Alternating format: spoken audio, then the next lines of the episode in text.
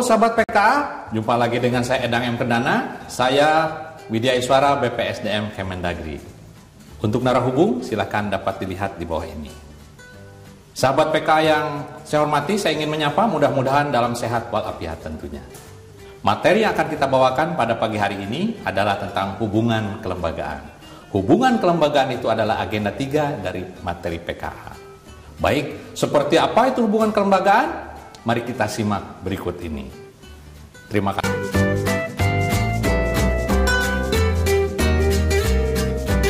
Baik, Bapak Ibu semuanya, peserta PKA, Alhamdulillah pada kesempatan pagi yang berbahagia ini kita masih diberikan kesehatan dan kesempatan ya. Apa kabar semuanya? Sehat ya? Semangat pagi semuanya. Eh, sahabat PKA, pada pagi hari ini janji janji saya kemarin akan menyampaikan tentang hubungan kelembagaan ya hubungan kelembagaan ini adalah salah satu materi dari agenda 3 untuk eh, diklat PKA ini.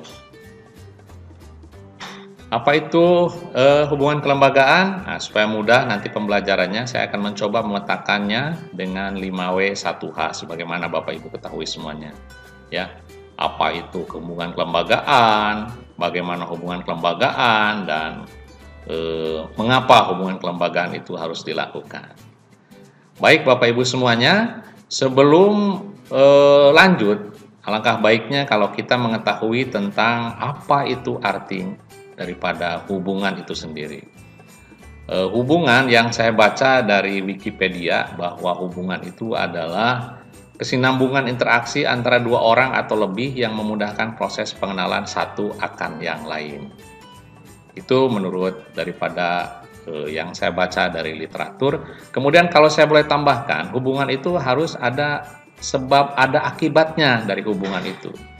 Hubungan arus pendek maka terjadi adalah kebakaran. Terjadi hubungan antara suami istri menghasilkan ya ada eh, anak ya. Jadi ada akibatnya, ada hasilnya, ada akibat daripada hubungan itu.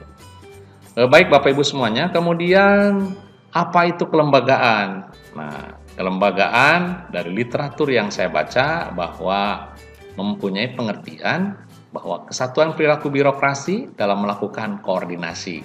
Boleh digarisbawahi birokrasi, perilaku birokrasi dan koordinasi. Yang secara sadar melalui berbagai bentuk kerjasama dengan berbagai kepentingan untuk mencapai tujuan bersama. Jadi sudah jelas di sini tergambarkan oleh Jim e, menyampaikan tentang kelembagaan tersebut. Kemudian Robbins mengatakan bahwa batasan tentang satuan perilaku dari orang yang berada dalam satu organisasi berinteraksi satu sama lainnya dalam menjalankan tugas dan kegiatan untuk mencapai tujuan lembaga yang terorganisir. Jadi hampir sama apa yang disampaikan eh, oleh kedua eh, ilmuwan tersebut bahwa sama-sama eh, menyampaikan intinya kalau saya boleh diambil daripada intinya itu adalah eh, kerjasama satu sama lain. Nah, kemudian hasil daripada hubungan kelembagaan itu adalah sebuah proses ya, organisasi yang dilaksanakan secara bersama-sama, kemudian mempunyai tujuan yang sama, kemudian mempunyai dampak yang sama juga, dan tentunya untuk saling menguntungkan satu sama lain. Jangan lupa itu saling menguntungkan sama satu sama lain. Jadi harus seimbang hubungan kelembagaan tersebut. Bapak Ibu yang saya hormati, jika kita melihat hubungan kelembagaan ditinjau dari kerangka filosofis. Kenapa ada hubungan kelembagaan?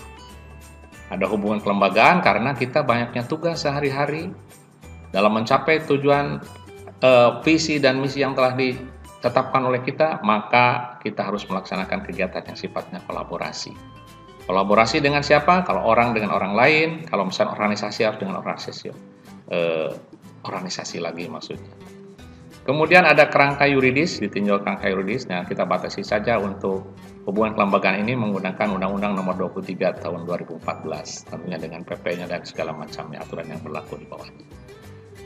Bapak Ibu yang saya hormati, sebelum kita lanjut kepada eh, yang lain tentang hubungan kelembagaan, alangkah baiknya kalau kita mengenal dulu tentang e, pemerintah pusat, ya, pemerintah pusat atau arti daripada pemerintah dululah. Gitu. Apa itu pemerintah? Apa itu pemerintahan? Bedanya sedikit, pemerintah dengan pemerintahan itu berbeda.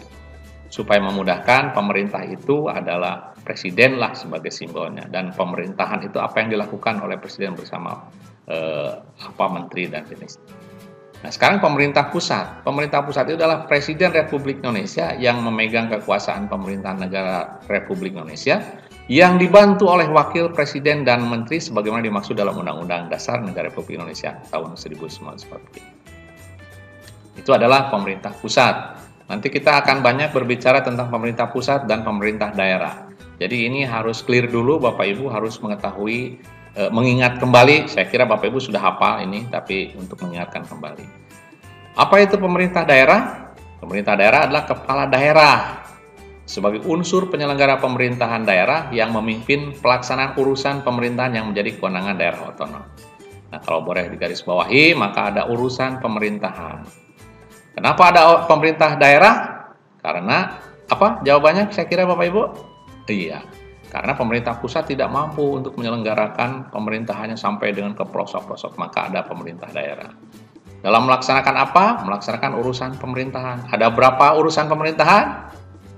ya ada 30 ada 32 urusan nanti yang akan kita banyak nanti kita kupas untuk uh, pertemuan berikutnya ya Bapak Ibu semuanya itu dah pengertian tentang pemerintah pusat dan pemerintah daerah kemudian nah jika dilihat dari hubungan kekuasaan pemerintah pusat dan daerah Bapak Ibu boleh dilihat dari slide ini tingkat nasional itu adalah sebagai koordinasi pembinaan dan pengawasan saja terhadap regional regional itu adalah eh, gubernur dan DPRD provinsi ya sebagai wakil pemerintah gubernurnya sebagai wakil pemerintah pusat. Kemudian di tingkat lokal ada bupati, wali kota dan DPRD kabupaten kota. Nanti kita akan bahas lagi untuk tuntas untuk di sini. Bapak Ibu yang saya hormati, sudah disebutkan tadi wujud nyata dari hubungan kelembagaan itu apa? Jadi wujud nyata hubungan kelembagaan adalah kerjasama antar lembaga. Kerjasama antar lembaga yang seperti apa? Tentunya tadi sudah disebutkan bahwa ya, kerjasama antar lembaga yang saling menguntungkan. Dan sekilas perlu disampaikan bahwa pengertian kerjasama ya menurut PP Peraturan Pemerintah Nomor 28 Tahun 2018 tentang kerjasama daerah, nah ini eh, turunan daripada Undang-Undang Nomor 23 Tahun 2014 ya. Kerjasama daerah adalah usaha bersama antara daerah dan daerah lain antara daerah dan pihak ketiga dan atau antar daerah dan lembaga atau pemerintah daerah di luar negeri yang didasarkan pada pertimbangan efisiensi dan efektivitas pelayanan publik serta saling menguntungkan. Kata kuncinya saling menguntungkan. Juga para ahli menyampaikan bahwa kerjasama antar lembaga merupakan adanya pengaruh positif antara variabel pembentuk kerjasama antar lembaga dan outcomes yang diharapkan. Bapak Ibu yang ya Baik Bapak Ibu, sekarang apa itu manfaat daripada hubungan kelembagaan?